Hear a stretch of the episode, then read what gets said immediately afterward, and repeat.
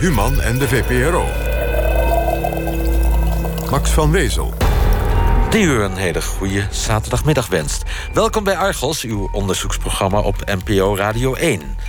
De Tweede Kamer sprak deze week uitgebreid over nepnieuws. Is het echt zo erg als je door al die berichten zou gaan denken? Twee jaar geleden heette het nog desinformatie... en trok minister Koenders meer dan een miljoen uit... voor de bestrijding ervan. Wat is daarvan terechtgekomen? U hoort het om kwart voor drie. En u kunt met de uitzending meepraten. De hashtag is Argos Radio 1. NPO Radio 1. Argos. Naast me in de studio verslaggever Sanne Boer. Ik had er nog nooit van gehoord, Sanne... maar jij bent in de wereld van predictive policing gedoken... voorspellend politiewerk. Wat is dat? Ja, dat heb ik gedaan samen met mijn collega Mijke van Roosmalen. Ik kan je ongeveer uitleggen wat dat inhoudt door een voorbeeld te geven. Max, jij zit bijvoorbeeld zit volgens mij veel op Facebook. Ja. Jij liked bijvoorbeeld alles rondom het Songfestival. Zou kunnen. Ja, niet ondenkbaar in jouw geval. Oké.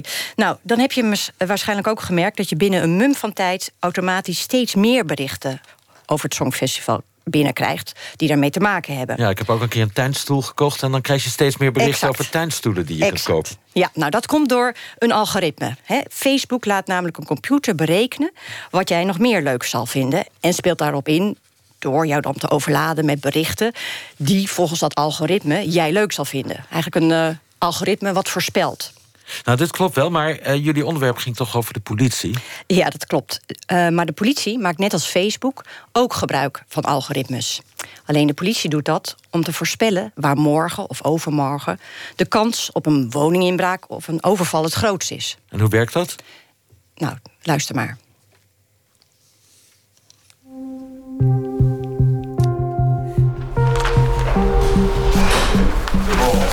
Goedemorgen. Hey, ik ben Wijken van Roosmalen. Kom verder. Dankjewel. Zo, ja. Wil je wat drinken? Um, een kopje thee best wel. We lopen een nietszeggend kantoorgebouw van de politie Amsterdam binnen. Dick Willems is daar de dataman. De man die de hele dag achter de computer gegevens invoert. En politieinformatie analyseert. We schuiven aan achter zijn overvolle bureau... met daarop twee grote beeldschermen. En dan staat hier op uw desktop al meteen een programma open. Dat is een uh, programma wat ik heb uh, gemaakt. Dat is CAS, het criminaliteitsanticipatiesysteem. En dat is een systeem wat we gebruiken om uh, criminaliteit te voorspellen. Hoe doe je dat? Op basis van data. Dus met name de incidenten die in het verleden zijn geobserveerd. De plekken waar bekende verdachten wonen beschrijvende informatie van het uh, CBS. Uh, dat zijn de zaken die we gebruiken. Wat voor informatie van CBS dan precies? Nou, dat is postcode-informatie. En daar kun je een beetje een soort kleur aan een uh, gebied geven. Dus je weet iets van de demografie daar. Dus hoe groot zijn de gezinnen, de gemiddelde leeftijd en zo. En de socio-economische omstandigheden. Dus hoeveel wordt daar verdiend, hoeveel uitkeringen lopen daar, dat soort werk. En door al die gegevens te combineren zou je moeten kunnen zien of daar in de toekomst iets gaat gebeuren? Nou, je, je kunt dan zien waar het, de kans het hoogst is. Hè. Dat wil natuurlijk niet zeggen dat het met zekerheid gebeurt. Maar als je een gok moet doen, kun je het beste naar die gebieden toe gaan, inderdaad. Hoe belangrijk is het volgens u dat de politie ook voorspellend te werk gaat? Ik denk dat het belangrijk is dat de politie stuurt op basis van informatie dan op onderbuikgevoel omdat niet iedereen een even goed onderbuikgevoel heeft. Sommige mensen zijn daar misschien briljant in, anderen wat minder. Maar die moeten ook eh, goed hun werk kunnen doen. Dus daar is informatie juist heel erg handig in. Boeven vangen, dat is een basistaak van de politie. Normaal gebeurt dat na de misdaad. Maar dat is aan het veranderen. Met big data, met het CAS, het criminaliteitsanticipatiesysteem. Daarmee zegt de politie te kunnen voorspellen waar boeven hun slag zullen gaan slaan. En dat systeem wordt al bij 110 van de 168 politieteams in Nederland gebruikt. Volgend jaar moet het computersysteem bij alle teams te gebruiken zijn. Ja, het hele idee is juist om uh, efficiënter te kunnen werken. Dus dat je daar bent op die momenten dat het er het meest toe doet.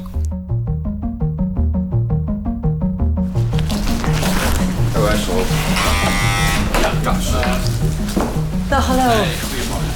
Dat is een kleine deur voor zo'n groot gebouw. Ja.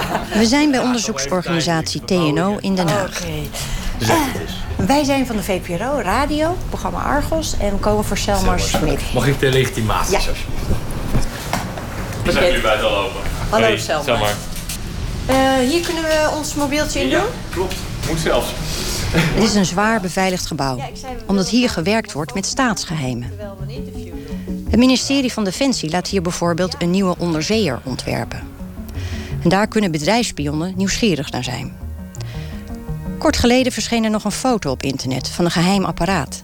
Vermoedelijk gemaakt door iemand van een Chinese delegatie, die bij TNO op bezoek was.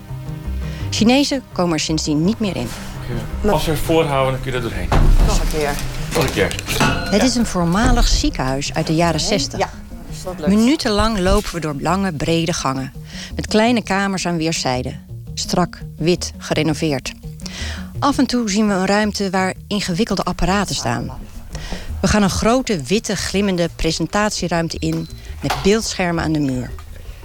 Ah. Selma Smit is gepromoveerd op kunstmatige intelligentie. Nu werkt hij als onderzoeker bij TNO. Computers zijn meer dan alleen werk voor hem. Het leuke wat ik eigenlijk daarvan vind is... zelflerende computers betekent dat als je vrijdagavond weggaat... en je hebt het systeem aangezet... dan kom je maandagochtend kom je weer op je werk... en dan is het de vraag van... wat zou die geleerd hebben in het weekend? Want dan heeft hij gestaan processen of dan heeft hij iets, Ja. iets tot zich genomen, die computer. Ja, heeft hij bijvoorbeeld een van de voorbeelden die ik heb gedaan... heeft hij zelf geleerd hoe hij een raceauto moet besturen. Als je ze dan loslaat en dat ze dan 's ochtends iets heel goeds hebben geleerd... dan ben je wel een beetje trots op ze. Oké. En wat doet u dan? Nou ja, ik weet niet of ik echt wat doe, maar ik, ik, ja, ja, het is toch wel een soort van trots van... oh, dat heb, dat heb je wel goed geleerd. eh, dat is wel knap dat je dat, dat, je dat kunt nu. En, Net als een kind eigenlijk. Smit is bij TNO dé specialist in voorspellende computersystemen. Hij heeft van de politie de opdracht gekregen om te onderzoeken of het kassysteem werkt. Dat is dat systeem dus dat Dick Willems ontworpen heeft. Dat is die dataman die je eerder hoorde. De politie gebruikt het systeem alleen nog maar om een paar soorten criminaliteit te voorspellen. Dat komt voornamelijk neer op woninginbraak, straatroof, winkelroof, autodiefstal. Inbraak in auto's, dat soort onderwerpen. Een, een moord is over het algemeen niet te voorspellen. En zeker niet met dit soort algoritmes. Omdat het, het komt niet zo vaak voor en het, het is, komt vaak uit een impuls. En niet uit een, een dagelijkse routine. Wat heel veel van dat soort dingen als woninginbraak zijn. Want Ja, is een woninginbraak wel dagelijkse routine? eh, nou ja, een, een inbreker heeft ook gewoon zijn werk. En die gaat ook elke dag gewoon weer op pad. Dus net zoals dat eh, u en ik eh, ons werk hebben waarvan wij elke dag naartoe gaan, doet een woninginbreker dat ook.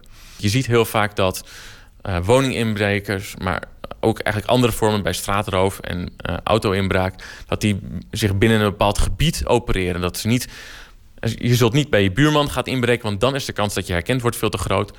Maar je gaat ook niet naar een gebied waar je helemaal niet bekend bent, bent, waarvan je niet weet hoe je moet vluchten en ook niet weet hoe de huizen er daaruit zien. Dus je kunt een bepaalde straal trekken om de woning inderdaad van een bekende crimineel, om te zien van waar gaat hij daadwerkelijk toeslaan. Ja. Oké. En dus is het systeem, dat, eh, het voorspellende, is dus niet alleen gericht op slachtoffers, maar ook dus af en toe op daders, zegt u. Er wordt ook daterinformatie in ieder geval meegenomen. Ja. En waar komt die data-informatie vandaan? Dit komt gewoon uit politiesystemen. Ja, dus dat zijn de eigen politiesystemen. Ehm, even kijken, nou laat ik eens een kaart openen eh, van Nijmegen-Noord. Terug naar Dick Willems van de politie. Achter zijn computer kijken we naar een plattegrond van Nijmegen. En die is dus verdeeld in een soort raster. En hoe groot zijn deze vakjes? Hoe groot zijn die gebieden? Eh, die zijn 125 meter bij 125 meter. Oké, dit is een voorspelling voor een hele week. Ehm, je ziet hier allerlei gekleurde vierkantjes. Nou, Nijmegen heeft een aantal speerpunten. Diefstal, inbraak, woning, straatroof. Diefstal uit personenauto, hè, dus eh, autokraken en diefstal fiets. Nou, laten we eventjes naar diefstal, inbraak, woning kijken. Dus ik, ik klik even de rest weg. Ja, want al die verschillende soorten die hebben dus een eigen kleurtje. En nu blijven alleen de rode vakjes over. Ja, alleen de rode vakjes. Nou, dit zijn dus de vakjes die eh, in de eerste instantie wat extra aandacht zouden behoeven als je echt woninginbraken wil tegengaan. En hier kunnen jullie dus ook echt kijken per dag en per dagdeel waar het het hoogste risico is. Ja, ja, zo is dat. Dus nou weet je zeg maar dat je in deze gebieden het eerste actie moet ondernemen. Hoe roder het vakje, hoe meer kans op een woninginbraak. Dat berekent dus het algoritme. Maar waarom het risico daar op dat moment groter is, geeft de computer niet aan. Aan dat specifieke gebied, zegt Dick Willems, moeten de agenten dan dus extra aandacht geven. Ze kunnen bijvoorbeeld preventief surveilleren. Of misschien woont er wel een bekende veelpleger in de buurt die ze extra in de gaten kunnen houden. Kunt u een voorbeeld noemen waar predictive policing, of dit kassysteem in ieder geval, tot een succes heeft geleid? Nou, ik ken wel een aantal voorbeelden. Uh, het was een basisteam wat echt in de stadblokken stond. En die waren heel enthousiast. Die zijn er echt mee bezig gegaan. En uh, de eerste dienst hadden ze drie arrestaties meteen. Dat is natuurlijk heel opvallend, want het idee van KAS is natuurlijk dat je ergens naartoe gaat om de boel te voorkomen. En uh, dat je door je aanwezigheid mensen ervan weerhoudt om criminele feiten te plegen. Maar die hadden dus drie arrestaties op hete daad. Van wat deden die criminelen? Auto-inbraken. Oké. Dus uh, zij hadden in het systeem gezien dat in een bepaalde wijk, of een bepaald buurtje noemen jullie dat, een grotere kans is op autodiefstal of auto-inbraak. Ja. Dus ze zijn daar naartoe gegaan en hebben toen drie arrestaties uh, meteen ja. gehad. Ja, in één dienst. Dat klinkt als een succesverhaal inderdaad. Ja, dat vond ik ook wel. Ja. Die wilden we. En de winnaar van de expertprijs is de korpschef politie. De Big Brother Award 2015. De prijs voor de grootste privacy-schender van het jaar. Uitgereikt door Bits of Freedom. Een organisatie die zich inzet voor digitale veiligheid. Maar wat de politie aan het doen is met uh, predictive policing... gebeurt eigenlijk een beetje onder de radar. Daar is nauwelijks belangstelling voor. En de reden voor de experts om te zeggen... we willen dat toch even nadrukkelijk in het zonnetje zetten... is dat het wel heel ver gaat. Ik wil de Amsterdamse korpschef Aalbersberg was zo sportief... om die prijs zelf in ontvangst te nemen. En bij die gelegenheid maakte hij juist reclame voor predictive policing. Dat heeft ons in Amsterdam opgeleverd dat wij... vooral in die gebieden waar we daarmee bezig zijn... het aantal woninginbraken met 20% hebben teruggebracht. Aalbersberg is enthousiast over het voorspellende vermogen... van het nieuwe politiesysteem. Maar klopt het? Werkt het systeem echt zo goed? We vragen het aan Selmer Smit van TNO. Er is een uh, onderzoek geweest van de politieacademie, dus het, het, opleidingsinstituut voor de politie, waarin ze niet hebben kunnen laten zien dat het werkt. Uh, ze hebben daar gekeken ook hoe de agenten het, het voelen. He, voelt het voor hen als andere informatie? Um, en daar hebben ze niet grote resultaten op gezien. Want het wordt al best wel veel gebruikt in Nederland. Ja. En, en, en, is dan ook de verwachting dat dit systeem, de computer dus eigenlijk, het beter kan dan de mens? Er zijn nu wat onderzoeken gedaan waarin ze um, aannemelijk maken dat dat daadwerkelijk zo is. Maar je ziet ook weer heel vaak dat dat toch wel wisselende effecten heeft. Want? Er zijn een aantal gebieden al in Engeland waar ze ermee zijn gestopt. Uh, omdat ze er zelf het voordeel niet van zagen. Gestopt met dat predictive policing? Ja, ze zijn gestopt met predictive policing omdat ze zelf niet het resultaat zagen in daadwerkelijk afnemende criminaliteit. En dat is ook heel erg moeilijk, want het is moeilijk om te zien of zo'n systeem werkt. Want als er dan daar niks gebeurt in een bepaald gebied waarvan het algoritme heeft gezegd daar gaat iets gebeuren, is dat dan omdat, omdat het verkeerd was of omdat jij daar een agent naartoe hebt gestuurd die daar heeft gestaan, die de misdaad heeft voorkomen. En het verschil daartussen is heel moeilijk te zien. Dus het is, het is heel moeilijk om eigenlijk te bevatten of het nou eigenlijk werkt of niet. Mm-hmm. Maar korpschef Albersberg heeft aangegeven bij de uitreiking van de Big Brother Award dat in Amsterdam er een daling was van het aantal inbraken met 20% Of dat het gevolg is van predictive policing of van het extra inzetten van mankracht, is maar natuurlijk de vraag. Kijk, een algoritme vangt geen boeven, dat doen agenten zelf. Dus dat gaat uiteindelijk toch nog om datgene wat agent op straat doet. Die kan daadwerkelijk het verschil maken, niet een algoritme.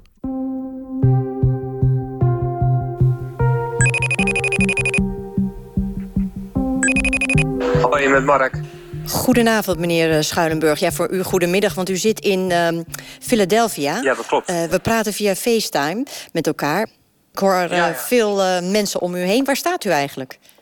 Ja, ik sta in de lobby omdat het merkwaardig is in de Verenigde Staten... dat je alleen nog maar gratis internet hebt in een lobby en niet meer op aparte kamers. Dus ik zit hier op een trap in de lobby van een hotel... op de meest rustige plek dan van de lobby. Dus ik hoop eigenlijk dat het goed gaat. Dit was eigenlijk de beste oplossing. Mark Schuilenburg, jurist en filosoof. Hij doseert aan de afdeling strafrecht en criminologie... aan de Vrije Universiteit van Amsterdam. Maar hij zit nu dus in Amerika. Wat doet u daar? Ik ben op het uh, congres van het heet officieel van de American Society of Criminology. Waar vrij veel criminologen uit Amerika samenkomen. En ik geef hier een lezing over uh, predictive policing, over de voor- en nadelen ervan. Wat is de strekking van uw lezing? Nou, de strekking is dat, hoewel er verschillende voordelen aan zitten, de nadelen zo groot zijn dat we opnieuw echt kritisch moeten kijken naar het middel zelf. En dat het hele aura waarmee het nu wordt omgeven alsof dit het grootste oplossingsmiddel zou zijn waarmee de criminaliteit definitief zouden bestrijden, eh, dat daar nog weinig van klopt. U zit daar op een congres met heel veel criminologen. En waarom wil u waarschuwen voor predictive policing? Nou, eh, omdat ik vind dat predictive policing niet alleen maar een nieuw soort tooltje is, een nieuw soort gereedschap. Uh, in een radicale manier zal het onze manier van werken, met name in de opsporing en de relatie Openbaar Ministerie-politie, echt drastisch veranderen. Schuilenburg is bang dat algoritmes alles bepalend worden. Terwijl ze volgens hem niet objectief zijn, maar sturend. Op het moment dat je dus vaker surveilleert in een wijk waar je denkt al dat het risico groot is, zou je nog meer data krijgen over diezelfde wijk. Waardoor weer de uitkomsten eigenlijk nog na van sterker worden. Dus je blijft eigenlijk in een vicieuze cirkel zitten. Ja, daar waar je al heel veel aanhoudingen doet in een bepaalde buurt... krijg je veel informatie over die mensen die je aanhoudt of arresteert. En dan zal dat ook weer in de toekomst eruit rollen uit het systeem. Dat je daar moet zijn, bedoelt u? Exact, ja, dat is perfect samengevat. Want als je goed kijkt, doet predictive policing eigenlijk niet aan voorspellen. Wat predictive policing doet, is het extrapoleren van historische data. Uh, daarom ben ik ook altijd nooit zo blij met die term. Want de term suggereert alsof de politie zou kunnen voorspellen dat. Ik zit nu bijvoorbeeld in Philadelphia. Dat hier over een half uur in een bepaalde straat in heel Philadelphia een woninginbraak gaat plaatsvinden. In werkelijkheid doet het systeem dat niet. Het systeem extrapoleert historische data die al in het systeem zitten. En zegt dat gebeurt nu heel vaak. Dus dat zal waarschijnlijk volgende, keer, volgende week nog meer gebeuren. Ja. Dat is eigenlijk geen voorspellen. Het is extrapoleren. En dat is iets wezenlijk anders.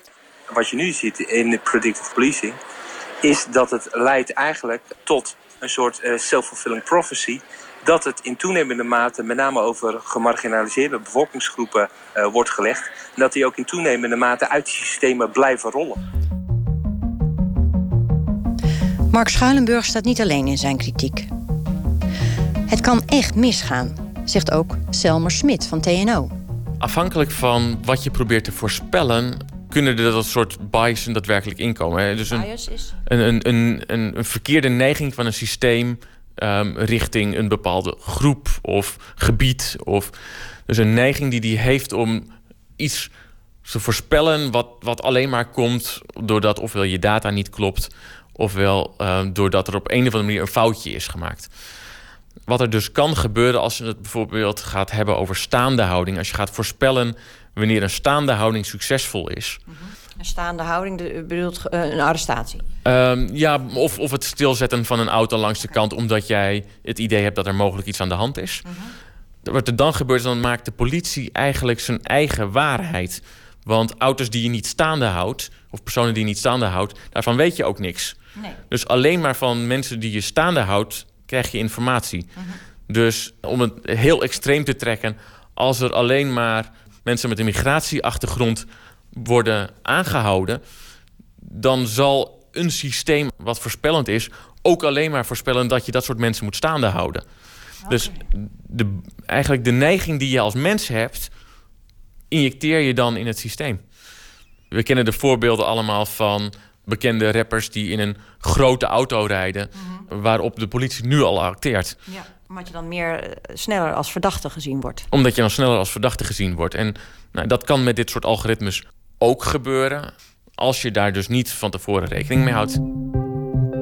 Maar de politie pakt hierdoor toch geen onschuldige mensen op. Een misdaad is een misdaad. Het probleem is alleen dat dit systeem ertoe leidt dat de focus komt te liggen bij één specifieke groep. In Amerika blijkt al dat donkere Amerikanen die wiet roken... tien keer meer gearresteerd worden dan blanken... die evenveel wiet roken. Met predictive policing zal dit alleen maar erger worden. En omdat de politie altijd bepaalde groepen in het vizier heeft... blijven anderen weer buiten schot.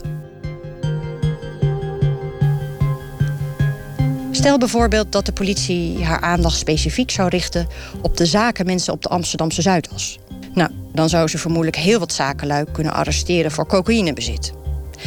En als je vervolgens die informatie dan in het nieuwe politiesysteem zou zetten, dan zou de computer de politie steeds weer naar de Zuidas sturen. Kortom, een algoritme kan net zo goed discrimineren als een mens. Mark Schuilenburg ziet nog een ander probleem. Het grootste gevaar is dat uiteindelijk met betrekking tot predictive policing de politie steeds meer gaat inlezen in gedragingen die op zichzelf weinig zeggend zijn. Dus laat ik een voorbeeld geven.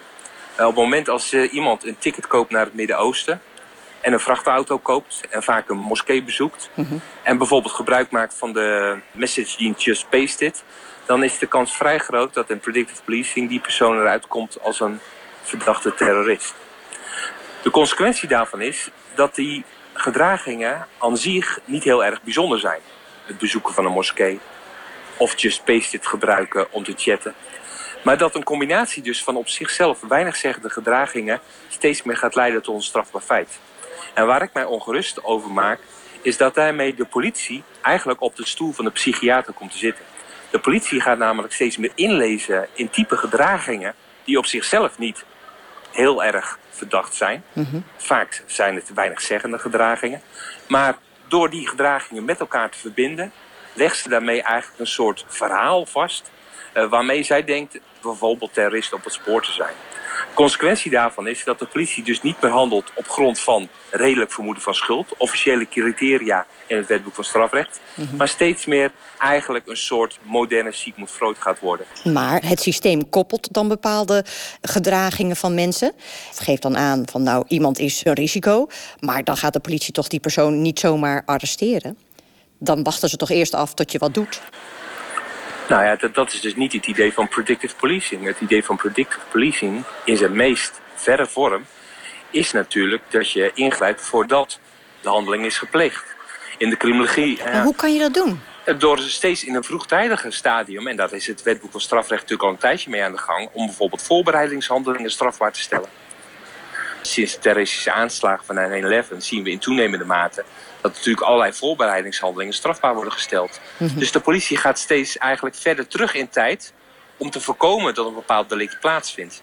En predictive policing is natuurlijk uiteindelijk het idee dat je ver van tevoren, voordat een daad al gebeurt, kan voorspellen wie het gaat doen, waar het gebeurt en wanneer het gebeurt. Dat is natuurlijk uiteindelijk de ultieme fantasie van politieagenten. Leidt ertoe, wat ik net aangaf, dat intenties steeds meer, en dat is het grote risico, dreigen strafbaar gesteld te worden. In Nederland zijn we nog niet zo ver.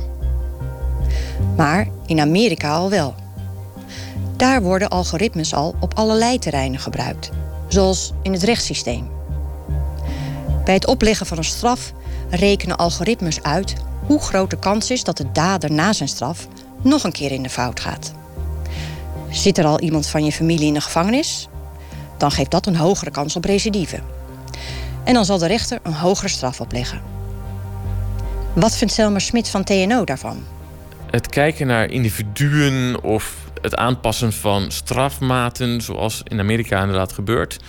Dat is denk ik een gebied waarbij een computer zou kunnen helpen om een objectief beeld te creëren, maar waarbij dat dus hele grote risico's heeft dat het misgaat. Dus op zich sta ik er positief tegenover, maar enkel en alleen als dat onder hele strikte voorwaarden gaat, waarbij er ook heel erg goed regie wordt gehouden of er niet hele gekke dingen gebeuren. En is dat nu in Amerika zo? Is daar hele goede controle op en strikte regels? Nee, dat gaat uh, waarschijnlijk onherroepelijk mis. En wat gaat er dan mis? Bijvoorbeeld strafmaat die een raciale bias gaat krijgen. Bepaalde mensen die preventief aangehouden of staande gehouden gaan worden, omdat een algoritme wat gevoed is door de toch al gekleurde blik van de Amerikaanse uh, agent. Ja, dat, dat, kan heel erg goed daar versterkend werken. Waarbij, een, omdat de computer het zegt, een soort blind vertrouwen gaat komen in dat dat een objectieve uitspraak is. Vindt u dat de controle op dat wat erin gaat qua informatie in Nederland voldoende is? Dat is natuurlijk maar een van mijn grootste zorgen. Die controle is er nu eigenlijk bijna niet. En uiteindelijk zullen ze natuurlijk steeds meer data erin gaan stoppen. Dat is natuurlijk het hele idee hiervan. Het idee is natuurlijk hoe meer data je erin stopt, hoe beter uiteindelijk je resultaten gaan worden. In ieder geval dat is het, de mythe daarachter. In toenemende mate denk ik dat het geval zal zijn dat wij steeds verder het zicht gaan verliezen op wat dus in die systemen wordt gestopt. Er komt nog iets bij. Je weet als burger niet wat de politie met al die informatie doet. Ben ik bijvoorbeeld met mijn derdehands Citroën straks een mogelijke verdachte? Mark Schuilenburg. Ik denk dat predictive policing, en wat ik net ook aangeef, dat de politie in toenemende mate op de stoel van de psychiater gaat zitten, leidt tot een volstrekt andere manier van omgaan met criminaliteit dan we hiervoor 200, 300 jaar gewoon waren. En dat de discussie daarover in Nederland onvoldoende, of dat moet ik nog beter zeggen, eigenlijk helemaal niet wordt gevoerd.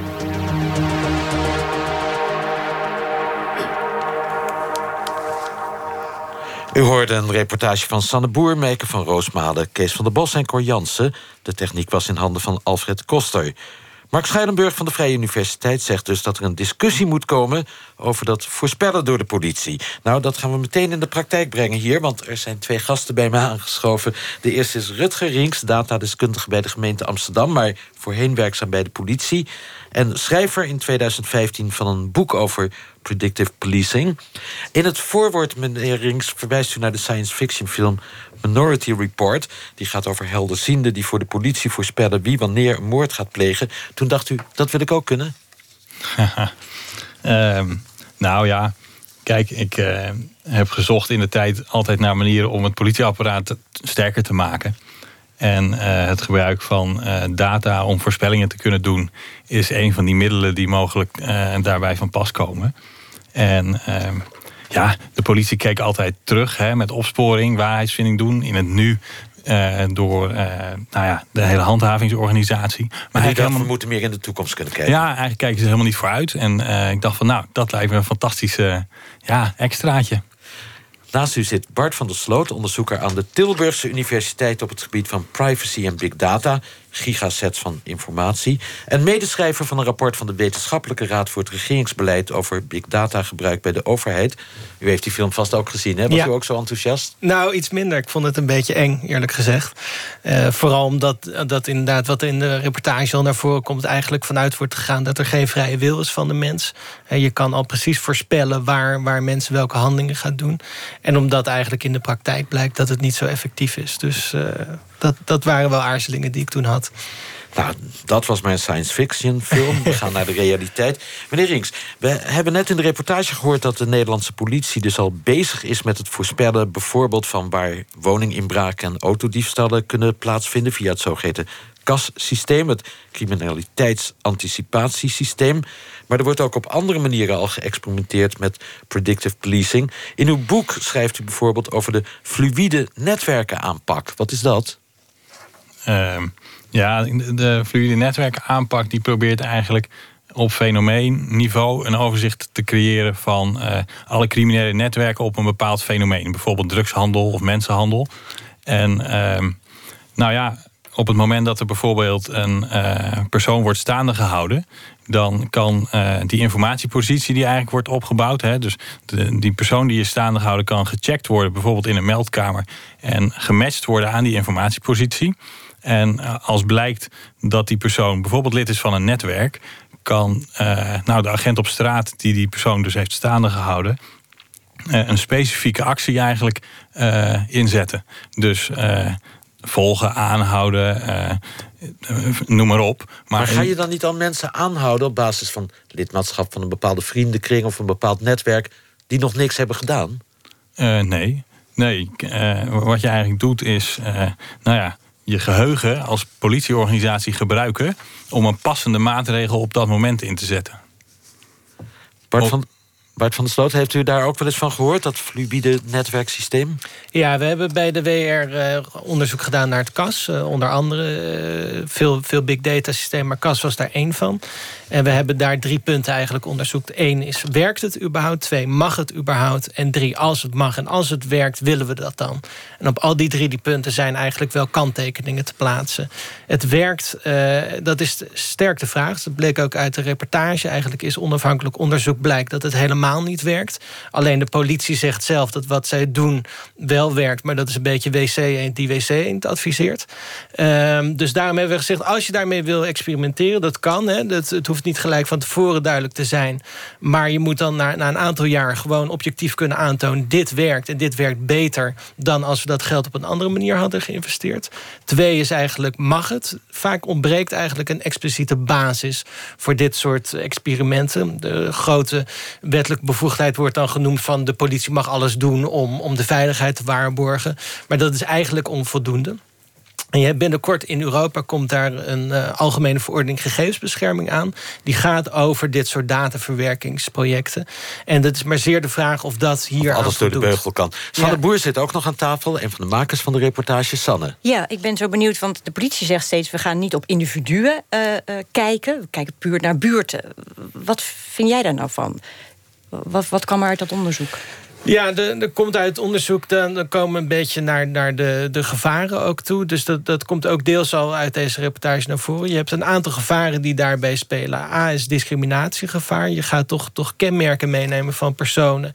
Die, die op basis waarvan je al mensen gaat beoordelen. Dat kan, uh, dat kan raciaal zijn, uh, soms onbewust. Hè. Dat is al bekend uit, uit de jaren tachtig. Banken mochten niet in Amerika discrimineren op basis van ras... maar deden dat op basis van postcode... waar toevallig dan veel Afro-Amerikanen wonen. Dat heb je hier ook het gevaar. Het zelfbevestigende en zelfversterkende gevaar... wat ook al uit de reportage bleek... hebben wij ook gesignaleerd toen.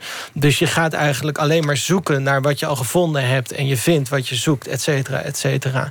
Dus dat is ook de vraag of dat de, de eerlijkheid en rechtmatigheid... van zo'n systeem wel ten goede komt. Rutger Rinks, waarom zou die computer en waarom zouden die algoritme beter zijn in het voorspellen van criminaliteit dan gewoon het onderbuikgevoel van agenten?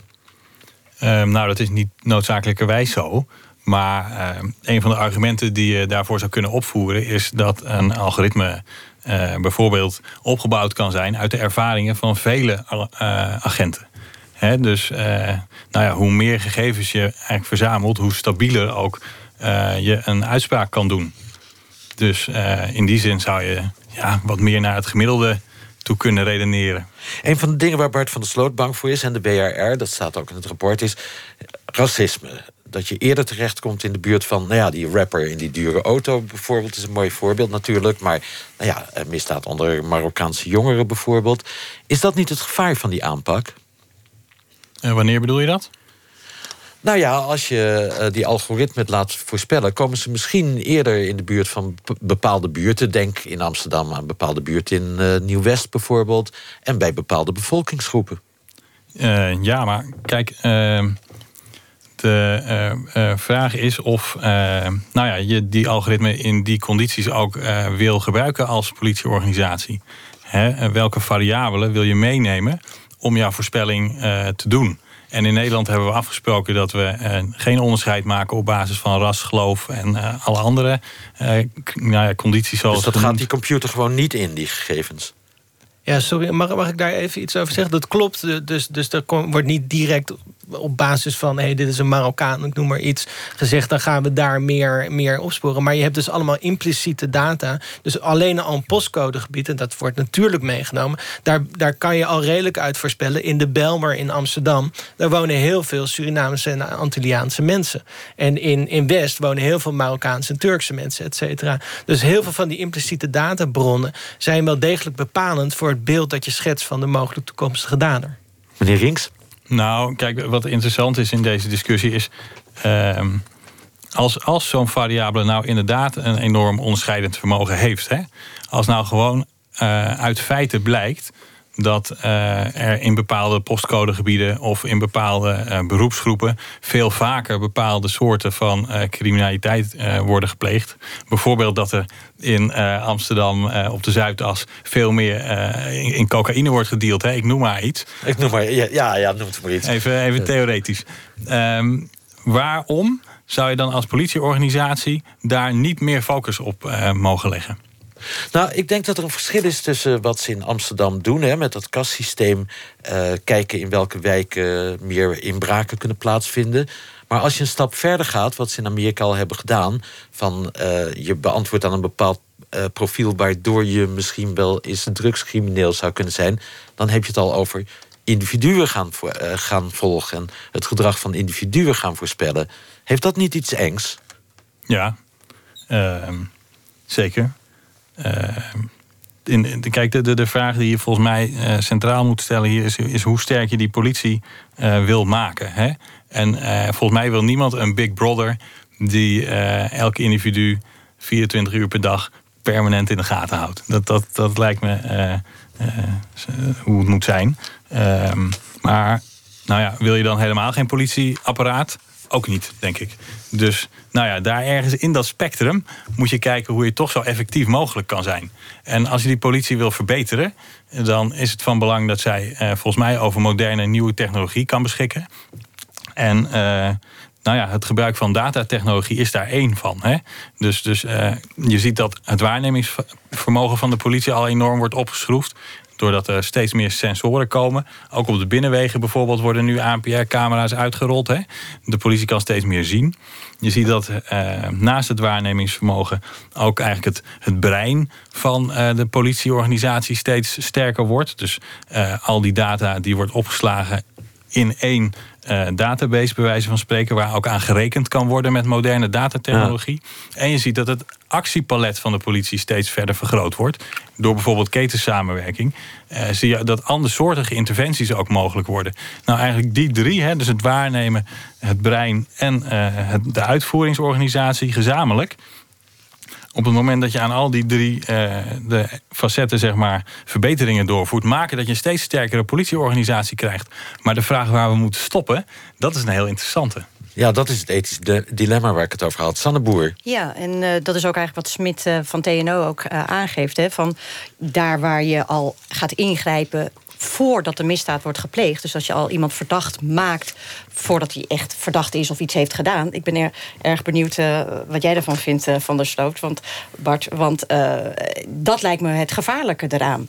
Ja, dus, dus het eerste is nog even op reactie hierop. natuurlijk moet de politie nieuwe middelen hebben... als die helpen met, met het voorkomen of voorspellen van, van criminaliteit. De vraag is ten eerste of dat werkt. En dat blijkt tot nu toe niet. Dus, dus dat lijkt me het eerste.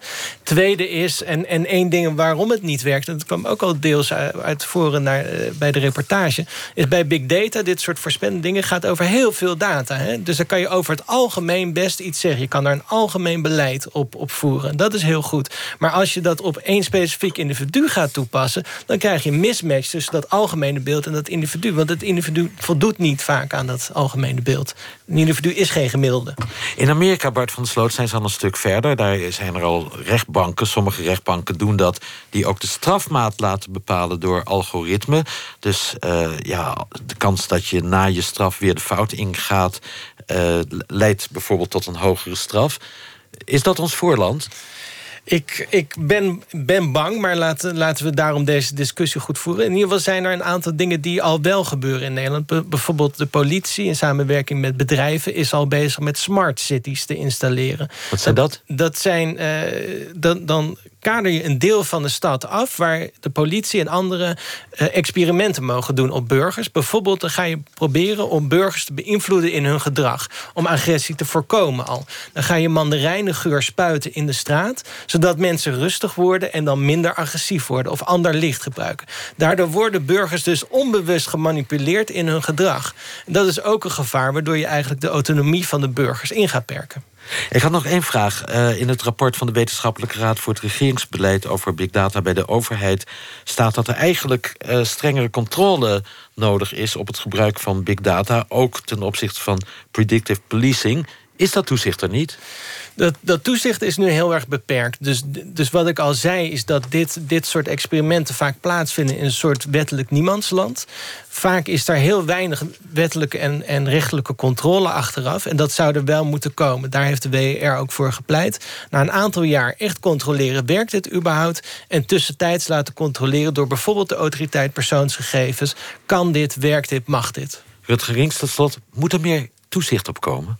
Eh, ik denk dat het heel verstandig is. Hè. Je kan het vergelijken met de introductie van een eh, nieuw middel. Denk aan het politiewapen. Nou, dat mag ook niet te pas en te onpas worden gebruikt. En zo moeten we met deze voorspellende technologie ook omgaan.